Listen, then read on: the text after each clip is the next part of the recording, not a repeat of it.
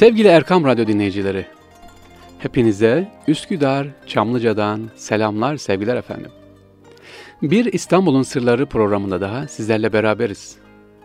Evet, bugün yine farklı yerleri göreceğiz. İstanbul'la ilgili farklı güzellikleri sizlerle paylaşacağım inşallah. Geçtiğimiz iki hafta boyunca sizlerle Boğaz'ı gezdik. Hem Anadolu yakasını hem Avrupa yakasını gezdik. Oradaki yalılardan bahsettik, Boğaz'ın güzelliklerinden bahsettik. Tabi bu arada sağ olun, teşekkür ediyoruz efendim. Mailleriniz geliyor, sorular soruyorsunuz. Bunları da bugünkü programın bir bölümünde sizlerden gelen bu sorulara ayırdım. İnşallah onları cevaplayacağız. Sorular, merak ettikleriniz var oluyor. Bu beni çok çok sevindiriyor efendim. İstanbul'la ilgili soru sormanız çok sevindirici. Neden? Ya İstanbul'a sahip çıkıyorsunuz. Ne güzel. Tarihi güzelliklerine sahip çıkıyorsunuz. Ne güzel. Bu İstanbul'un yerin altı üstü daha ne güzellikler var. Ha bunlara şimdi özellikle gençlerin sahip çıkması inanın beni ayrıca mutlu ediyor. İşte diyorum ki koşa koşa geliyorum Erkam Radyo'ya. Aman diyorum güzel. E, bugün biraz daha farklı bahsedelim. Biraz daha anlatalım. Gençler sahip çıkıyor. E, sadece İstanbul değil güzel. Geçtiğimiz hafta Osmaniye'deydim. Orada da dinlenmiş sağ olsun. Gördüler hocam sizi duyduk diye. E, oradaki gençler de inşallah e, İstanbul'u dinliyorlar, sahip çıkıyorlar. Sevgili dinleyicilerim, sevgili Erkam Radyo dinleyicileri, hep ilk programın başladığından 6 ay önce söylediğim bir cümle vardı. Sık sık benden bunu duyacaksınız ve duyuyorsunuz, söylüyorum. Nimel ceyş ne demek? Nimel ceyş müjdelenmiş asker demektir. Yani Resulullah Aleyhisselatü Vesselam Efendimiz'e demişti, o ne güzel komutan, o ne güzel asker. İşte bu hadisi şerife nail olana nimel ceyş derler. E ama hocam e, o eskidendi yani çok fetih olundu İstanbul fethedildi artık e, biz nimel ceyş olabilir miyiz? Tabii ki sevgili dinleyicilerim. Kim ki İstanbul'a sahip çıkar e, temizliğine, etrafına, tarihi eserlerine en önemlisi sahip çıkmak derken lütfen sevgili kardeşlerim, radyo dinleyicilerim İstanbul'un diline de sahip çıkalım. Size geçtiğimiz haftalarda İstanbul efendilerini tanıttım değil mi? Mehmet Haydaroğlu abimiz tanıttım. Biz onlardan yetiştik efendim. Daha güzel abilerimiz var inşallah. Hala hayattalar. Zaman zaman onları ziyarete gidiyorum vaktimiz olduğunca. Ben ne yapayım? Sokaktan bir çöp almanız yeterli. Apartmana çöp atmamanız, gürültü yapmamanız budur nimelceyi İstanbul için. Kimseyi kırmamak, üzmemek budur işte. İnşallah programımızda bu şekilde diyerek giriş yapıp efendim başlıyoruz İstanbul'un sırlarına. Bu ricamı e, sizlere ilettikten sonra tekrar ediyorum. Hocam nereye mail gönderelim? Sorularınız olursa sorularımız sarrafoglufahri.gmail.com Tekrar edeyim, hızlı söylemeyeyim. sarrafoglufahri.gmail.com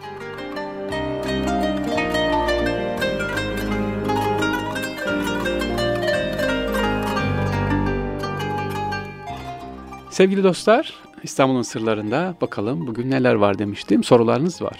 Efendim, birinci soru şöyle. Daha önce anlatmışım ama belki kaçırmışsınızdır. Ha, bu arada aklıma geldi dostlarım. Eski programları internet üzerinden izleyebilirsiniz. 6 aylık programlar her hafta yükleniyor sağ olsun teknik ekibimiz bu konuda hassas.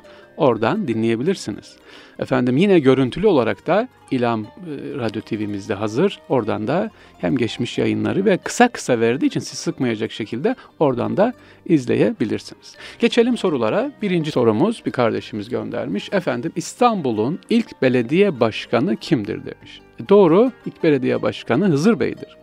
Hatta Konyalılara ne demiştim? Akşehirlere Nasrettin Hoca'nın torunudur Hızır Bey. Mezarı nerededir? Mezarı da un kapanında İMÇ bloklarının olduğu yerde Hızır Bey'in mezarı vardır efendim. Orayı lütfen ziyaret edelim. Müsait olanlar gidebilir. Yanında Katip Çelebi'nin mezarı var ve yine yanında şair Necati'nin mezarı var ki e, bu üç mezarı da ziyaret etmeniz tavsiye edilir orada. Yine bir soru var efendim bir programımızda demiştiniz ki Fatih Sultan Mehmet Han'ı İstanbul'a almayan komutan kimdir? Onu düzeltelim. Fatih Sultan Mehmet Han'ı İstanbul'a almayan komutan değil, İstanbul'a e, girmesine engel olan o günkü löbetçi demiştim. Olay şöyle gelişiyor. Efendim Fatih fethettikten sonra İstanbul'u bir müddet e, teptil kıyafet geziyor. İstanbul'un dışına çıkıyor, bakıyor, araştırıyor teptil kıyafet dediğimiz nedir? Padişah olduğu belli olmasın yanında ya bir vezir ya da bir lalası ya da yakın biriyle dışarı çıkıyor. Ve bir kural var. Kendisi koymuş bu kuralı sevgili dinleyiciler. Nedir? İstanbul'a yatsı namazından sonra giriş olmaz. Sabah namazıyla kapılar açılır, yatsı namazıyla kapılır. Dışarı çıkan giremez, giren çıkamaz. Bu kural. Çünkü İstanbul'un 60 kapısı var. Bu şekilde korunaklı ve karşılıklı da e, löbetçiler var, almıyorlar. O dönem önemli tabii. Asayiş sağlanacak. Ama Fatih Sultan Mehmet Han bir gün ne yapıyor? Dışarı çıkıyor ve geç kalıyor. Kapıdaki löbetçi de bugün neresi derseniz bu Fatih Sultan Mehmet Han'ın içeri alınmadığı yer neresi derseniz yine un kapanından sağ tarafa böyle dönersek e, Eminönü'ne doğru orada bir cami var. Yavuz Er Sinan Camii. İşte o kapıdan girmek istediği zaman löbetçi dur diyor. Giremezsin. Bilmez misin ki diyor sultanımızın fermanı var. Yatsı namazından sonra kapılar kapanır. Bekleyeceksin sabaha. Sultan Fatih de hemen yanında bir kağıt kalem çıkartıyor. Sultan Murat Han oğlu Mehmet diye yazı gönderiyor. Yani ben padişahım işte aç kapıyı demek istiyor. Ama bu yazıyı görünce sevgili dinleyiciler o bizim nöbetçimiz korkacağı yerde veya çekineceği yerde veya aman telaşlanacağı yerde ne diyor? Mırıldanıyor. Yahu diyor bu ne biçim ferman hem diyor kapıları kapat yatsıdan sonra kapanı şimdi aç fermanı bozuyor. Bunu Fatih Sultan Mehmet Han duyuyor efendim aşağıdan duyuyor. Dur diyor dur bire sen ne Yavuz ermişsin diyor. Bakın ismi de bu koyuyor Fatih Sultan Mehmet Han koyuyor. Bire sen ne Yavuz ermişsin dur açma diyor ferman bozulmasın diyor ve dışarıda bekliyor sevgili dinleyiciler. Nereye kadar? Sabah namazına kadar. Hayır girmiyor içeriye. Orada bekliyor. İşte bugün beklediği yerde çeşme var. Gidip görürsünüz ve yanına da çok güzel, harika, pırıl pırıl yeni bir cami yapıldı yıllar sonra. Daha önce vardı. Ee, bir sebeple kaldırılmış. Şimdi iki karşılıklı cami böyle karşı karşıya. Demek ki Fatih Sultan Mehmet Han'ı içeri almayan o askerimizin ismi Yavuz Ersinan'mış. Efendim kendisi de Kütahyalıdır efendim Yavuz Ersinan. İsmi Sinan. Bir Esen'le Yavuz Ers deyince Yavuz Ersinan olarak kalıyor.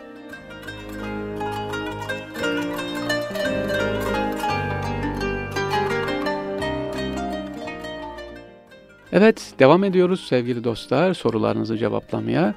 İstanbul'da 3 mihraplı cami var mı? diye soru var. Evet, İstanbul'da 3 mihraplı camimiz var. Yine bu şekilde 3 e, tane mihrap yan yana. Nasıl oluyor hocam? Çünkü Osmanlı'da esas olan rızadır. Ben cami yaptırıyorum diyerek istediğiniz yere cami yaptıramazsınız. Veya var olan mescidi yıkıp da efendim burası küçük ben burayı büyük cami yapacağım diyemezsiniz. Nasıl olması lazım? Rızanın alınması lazım. İşte üç mihraplı mescidin hikayesi de böyle ya da e, bunun ne, şu anda gidip de ziyaret edebilirsiniz.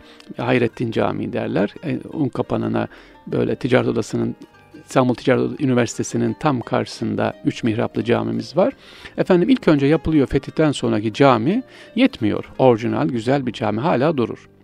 Ve diyorlar ki banisinden yani yaptıranın e, varislerinden bu camiyi yıkalım biraz daha büyütelim. Rızası olmuyor. O zaman yanına ilave yapıyorlar ve ikinci mihrabı oraya koyuyorlar. Efendim aradan müddet geçiyor tabii. İkinci Abdülhamit Han dönemi bayağı geçiyor. Yine yetmiyor camiyi, yetmiyor düşün o zamanlar. Şimdi 5-6 e, kişi anca cemaat olan o yerde o zaman yetmiyor. Bakın kaç tane cami var. Rüstem Paşa var, yeni cami var. Yetmiyor. Peki diyorlar yıkalım hepsini İskit beraber. Hayır ikinci varis de banisi de raza olmuyor ve yeni yapılacak olan üç ilave sağ tarafa doğru büyüyor.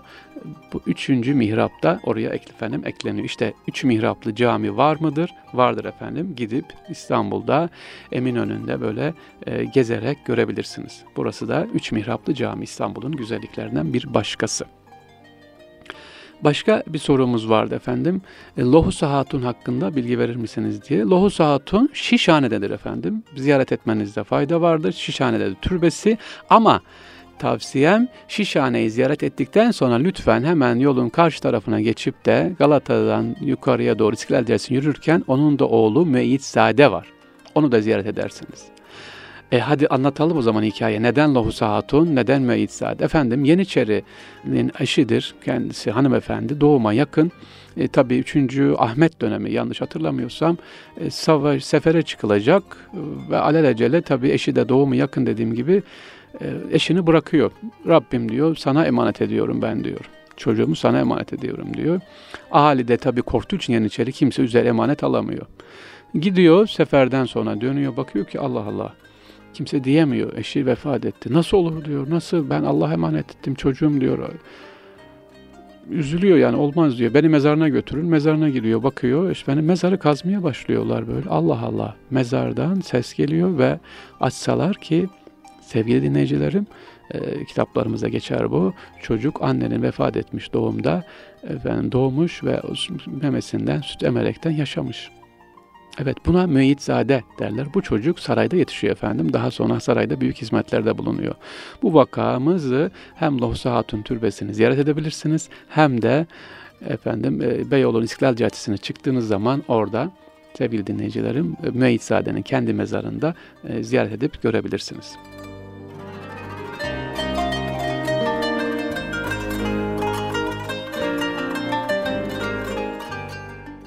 İstanbul'la ilgili başka diğer sorularımız nelerdir? Efendim Tayyare anıtından bahsetmiştim ben. Tayyare anıtı uçağımız yok muydu da o dönemde efendim böyle yapıldı e, bu tayyare uçak alındı demişim programda. Yanlış belki söylemişim ya yanlış anlaşılmıştı. Uçağımız vardı ama bu uçak 1914'te alınan uçak hanımlar tarafından para toplanarak alındı efendim para toplandı. Bir hanımefendi ön ayak oldu. E, bu uçak alındı. Amacı da şuydu. İstanbul'dan kalkacak Tarsus üzeri Suriye Kudüs'e gidecekti. Büyük bir nümayiş yapılacaktı. Bir moraldi Birinci Dünya Savaşı döneminde. E, ama ne oldu? Uçağımız kalktı, Şam üzerindeyken düştü ve iki tane pilotumuz orada vefat etti. İşte bu Fatih'te bulunan anıt Tayyare anıtı, uçak anıtımız ilk iki şehitimizin anısına yapılmıştır efendim. E, baktığınız zaman mum şeklindedir, kırıktır. Niye seferin tamamlanmadığını gösterir. Ya bundan sonra ne oldu tabii? Aa bitirdik mi uçağımız düştü, tamam bir daha almayalım mı oldu? Hayır. Tam bundan sonra üç uçak daha alındı. E, dördüncü uçak seferini Kudüs'e gidip efendim tamamlandı. Evet yolunuz düşerse lütfen Tayyare anıtında Fatih'ten efendim gidip görelim inşallah.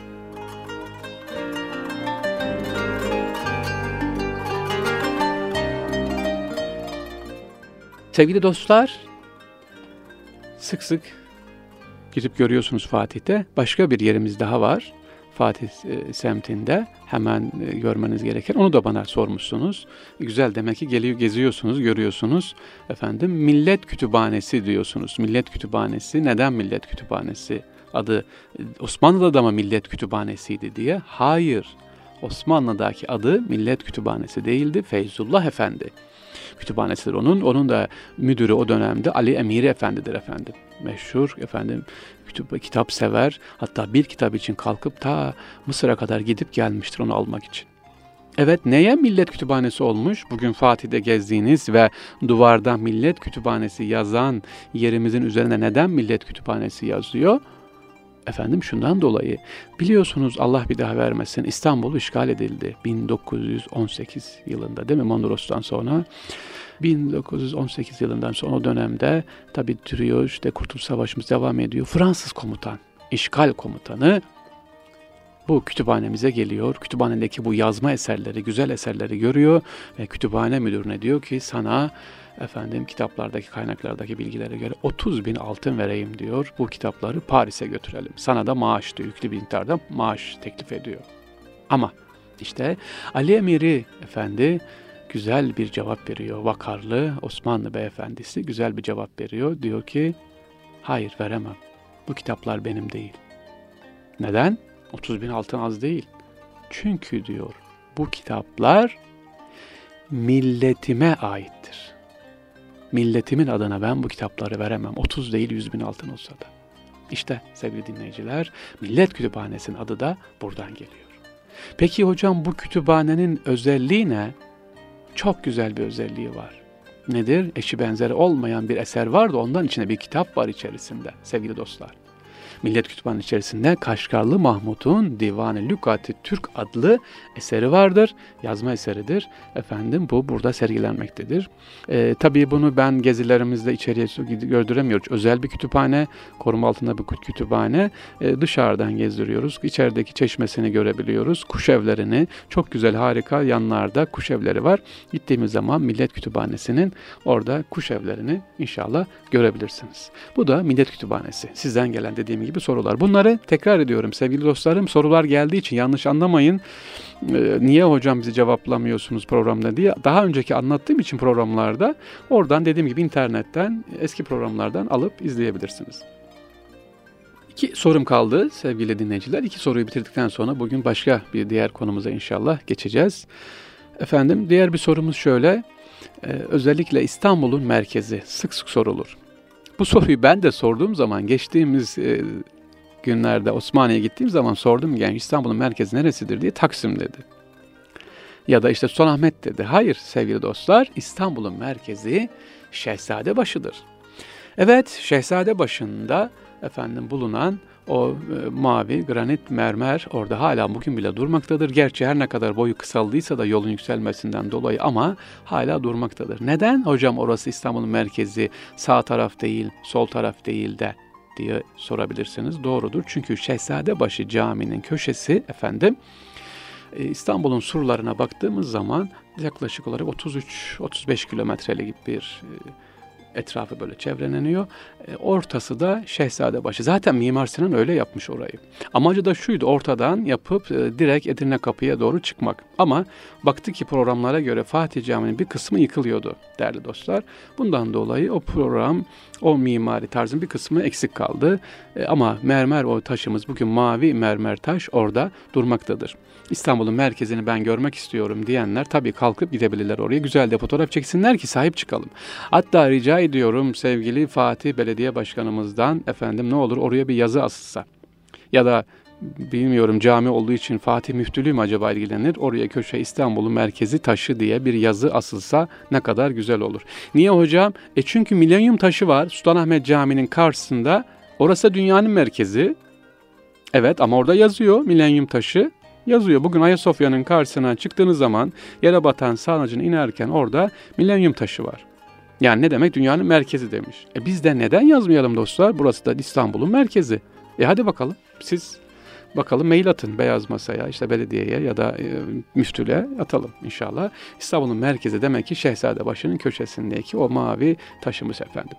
Hazır gelmişken Şehzadebaşı Camii'ne gelmişken Şehzadebaşı Camii'nin minareleri ilgili de sorumuz var. Onu da söyleyelim. Neymiş efendim? Hocam e, İstanbul'da Şehzadebaşı Camii'nin minareleri üzeri nakışlı. Böyle aşağı doğru inen e, desenli desenli minare var. E, Mimar Sinan Süleymaniye'de yok. Ya da Sultanahmet'te yok. İşte Mimar Sinan'ın yaptığı neresi? Ha Selimiye'de yok görüyorsunuz. Ya da ne bileyim yaptığı Kılıçhane Paşa'da yok minarelerine bakıyorsunuz. Minarelerin kenar aşağı doğru inen yerlerde süs yok. E neden Şehzadebaşı Camii'nin iki minaresinde süs var? Cevap çok basit. Çünkü Şehzadebaşı Camii için ne demişti? Üstad Mimar Sinan ne demişti? Efendim bu benim çıraklık eserim demişti. Evet, çıraklık eserim demişti. E çıraklık eseri ise işte mimarın enderunda üzerinde giydiği üniforma ya da elbisenin üzerindeki o cübbenin desenidir o efendim çırakların Topkapı Sarayı'ndaki ya da eğitim alırken öğrencilerin giydiği, çırak öğrencilerin giydiği elbisenin desenidir. Bundan dolayı Mimar Sinan ne yapmış? Şehzadebaşı Camii'nin minaresinin köşesine, e, minarelerin kenarlarına o nakışı işlemiş efendim ki evet ben hala çırağım bu cami benim çıraklık eserimdir demiştir. Şehzade Camii ile ilgili de bu bilgiyi sizlere aktarmış olalım inşallah. Sevgili dostlarım, Şehzadebaşı Camii'ne gelmişken e, bir hemen aklıma geldi, anlatalım. Yine Kanuni Sultan Süleyman'ın oğlu için yaptırmış olduğu başka bir cami var. Nerededir o da? E, Cihangir'dedir. Evet oğlu Cihangir, Cihangir semtinde bir cami yaptırıyor. Ama camiye bakarsanız cami böyle yokuşun yukarısında yani camiye yürüyerek çıkarsanız aşağıdan yukarıya doğru böyle hafif kamburunuz çıkacak. Böyle eğilerek gideceksiniz yokuşun yukarı dikliğinden. Neye hocam oraya yaptırmış? E mübarek şöyle demiş. E, orası yüksek yer olduğu için efendim yukarı tam tepede hem görünüyor boğazdan hem de demiş ki ah demiş buraya çıkanlar benim ne acı çektiğimi biraz anlasınlar. Ne acı çekiyormuş Cihangir hayırdır? Çünkü birazcık kamburmuş. Hafif kambur olduğu için benim kambur halimi anlasınlar böyle kambur. Ben devamlı böyle kambur yaşadım. Buraya çıkanlar da bu halimi benim bu e, acımı biraz empati kurup fark edebilsinler diye bu şekilde tam yokuşun tepesinde efendim Mimar Sinan yapmış. Tabii ki şimdiki cami Mimar Sinan eseri değil, Balyan kardeşlerin eseri. O ayrı ama yine aynı şekilde yokuşun tepesinde sevgili dostlar Cihangir camimiz durmaktadır.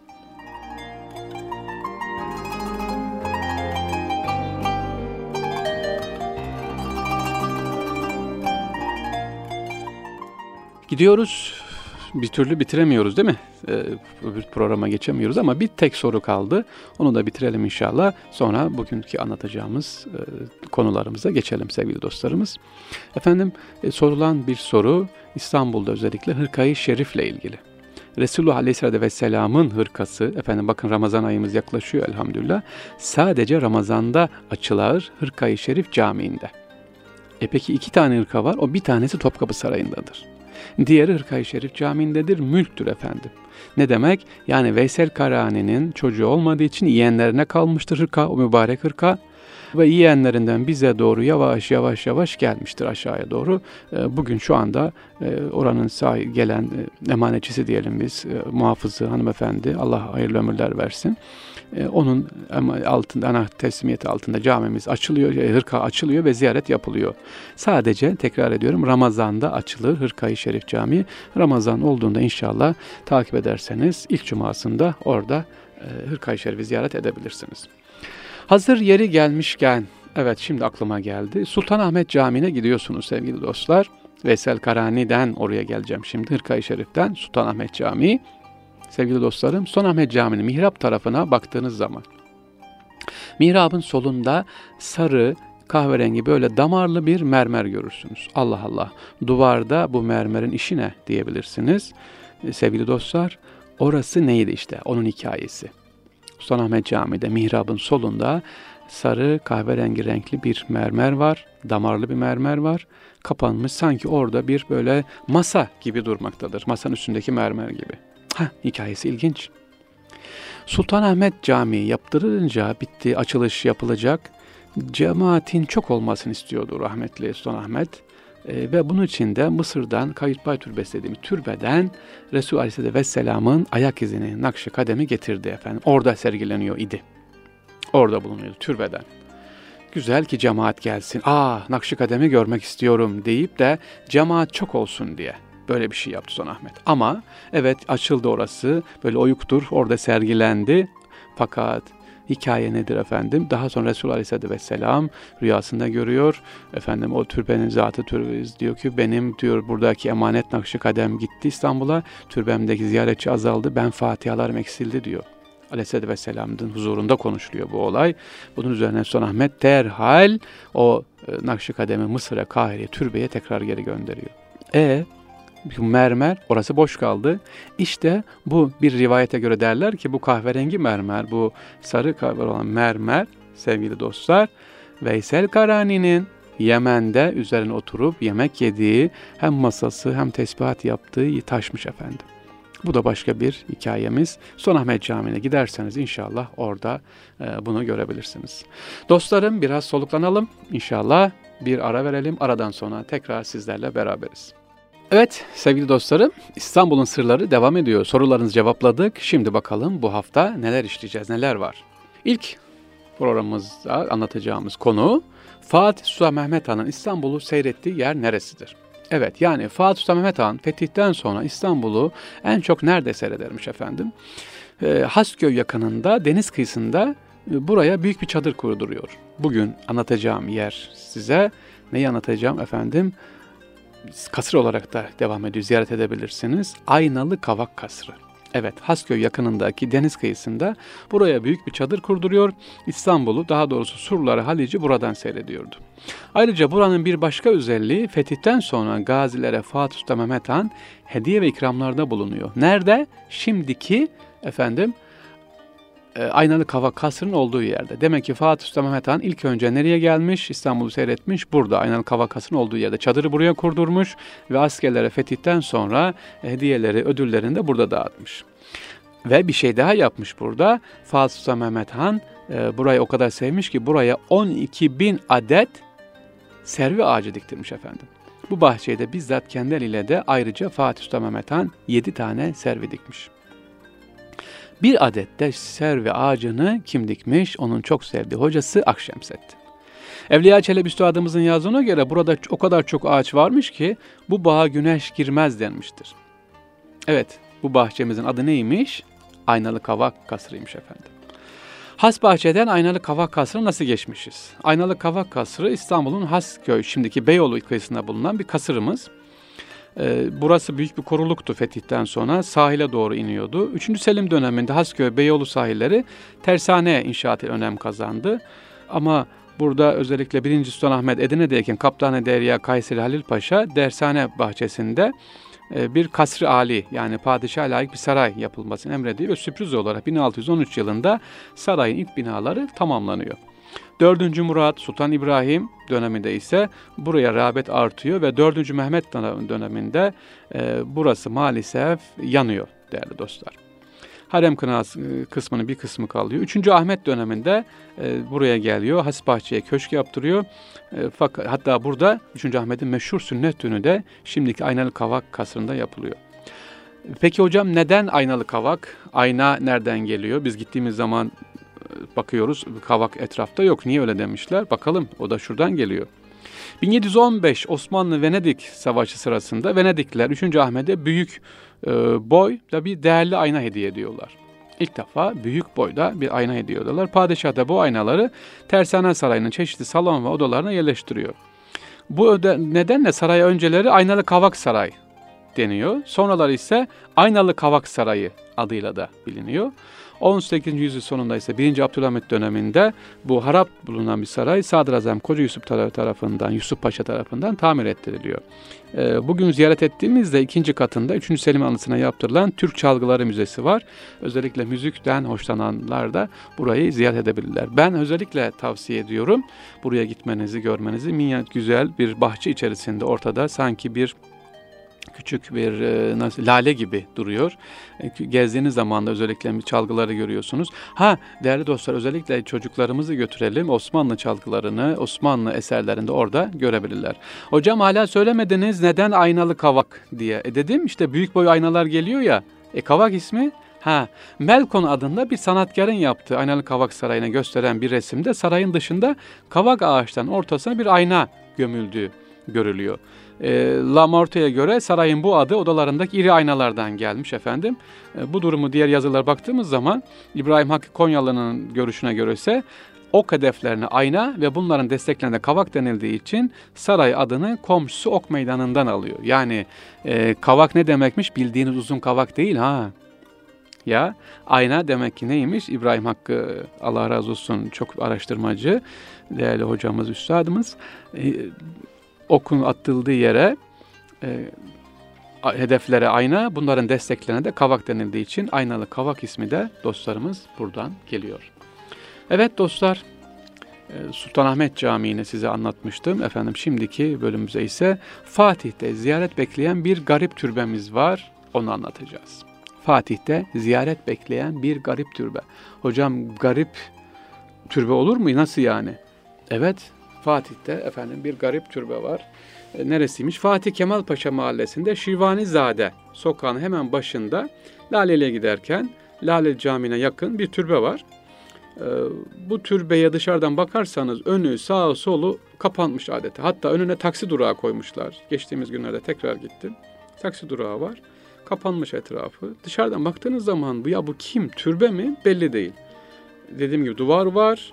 E, taksi, hatta e, telefon kulübeleri var konmuş. Efendim bir kısmına başka bir şeyler konmuş. Türbe olduğu belli değil. Allah Allah.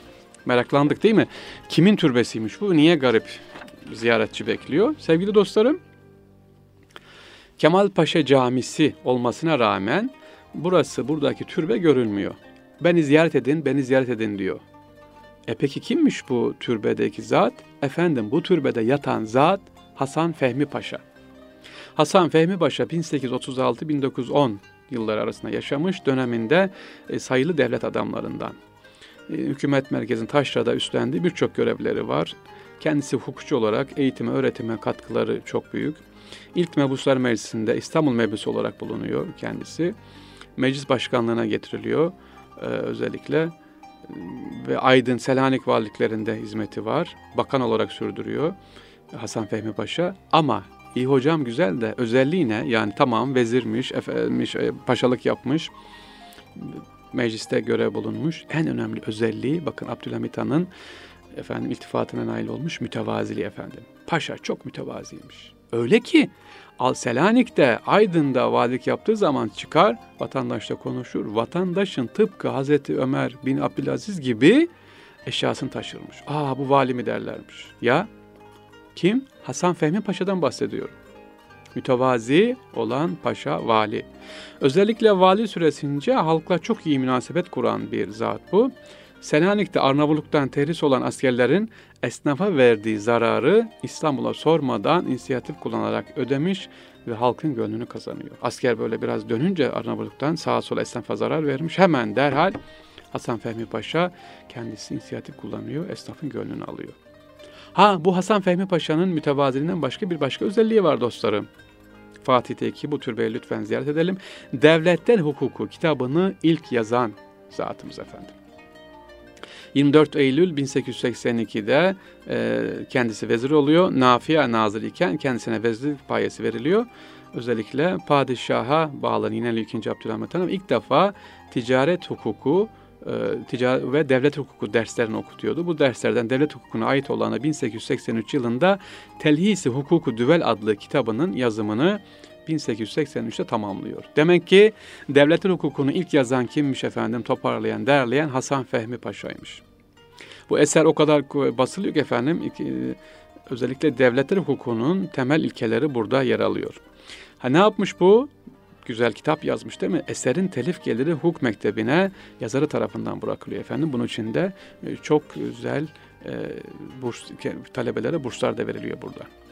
E, bitti mi Hasan Fehmi Paşa'nın özelliği. Mütevazı dedik, ilk devletler kitabı, ilk devletler hukuku kitabını yazan dedik. Hayır bitmedi, bir özelliği daha var. Efendim en çok madalya ve nişan alan paşalardan. Ya şöyle bakıyorum önümdeki notlara, uf 20 küsür tane şu anda madalya var. Bunların hepsini okumayacağım. Savaşta yaralanan, sakat kalan askerler yaptığı para yardımından dolayı gümüş madalyası var.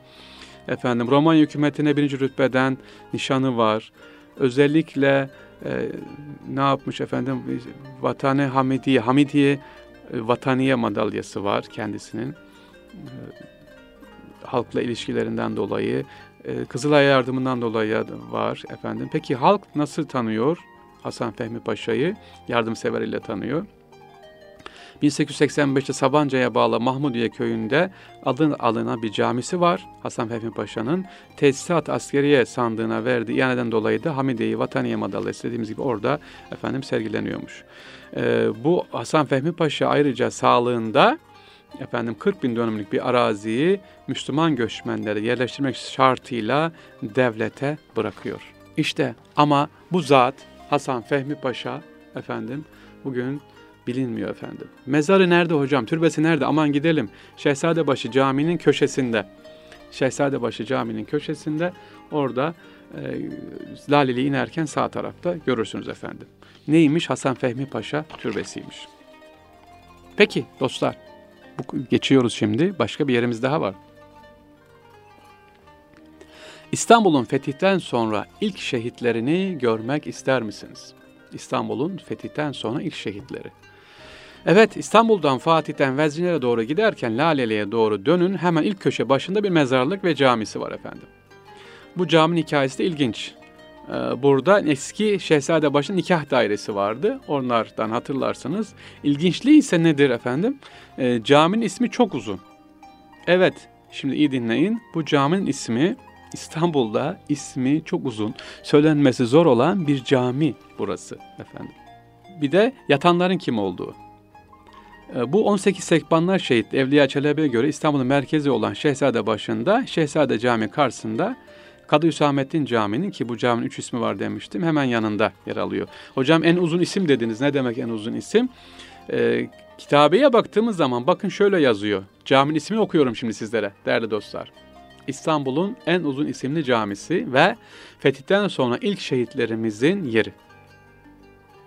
Kadı Hüsamettin Çamaşırcı Hacı Mustafa Efendi 18 Sekbanlar Camii yapılış 1540. Bir daha okuyayım mı adını? İstanbul'da en uzun isimli camimizin adı neymiş?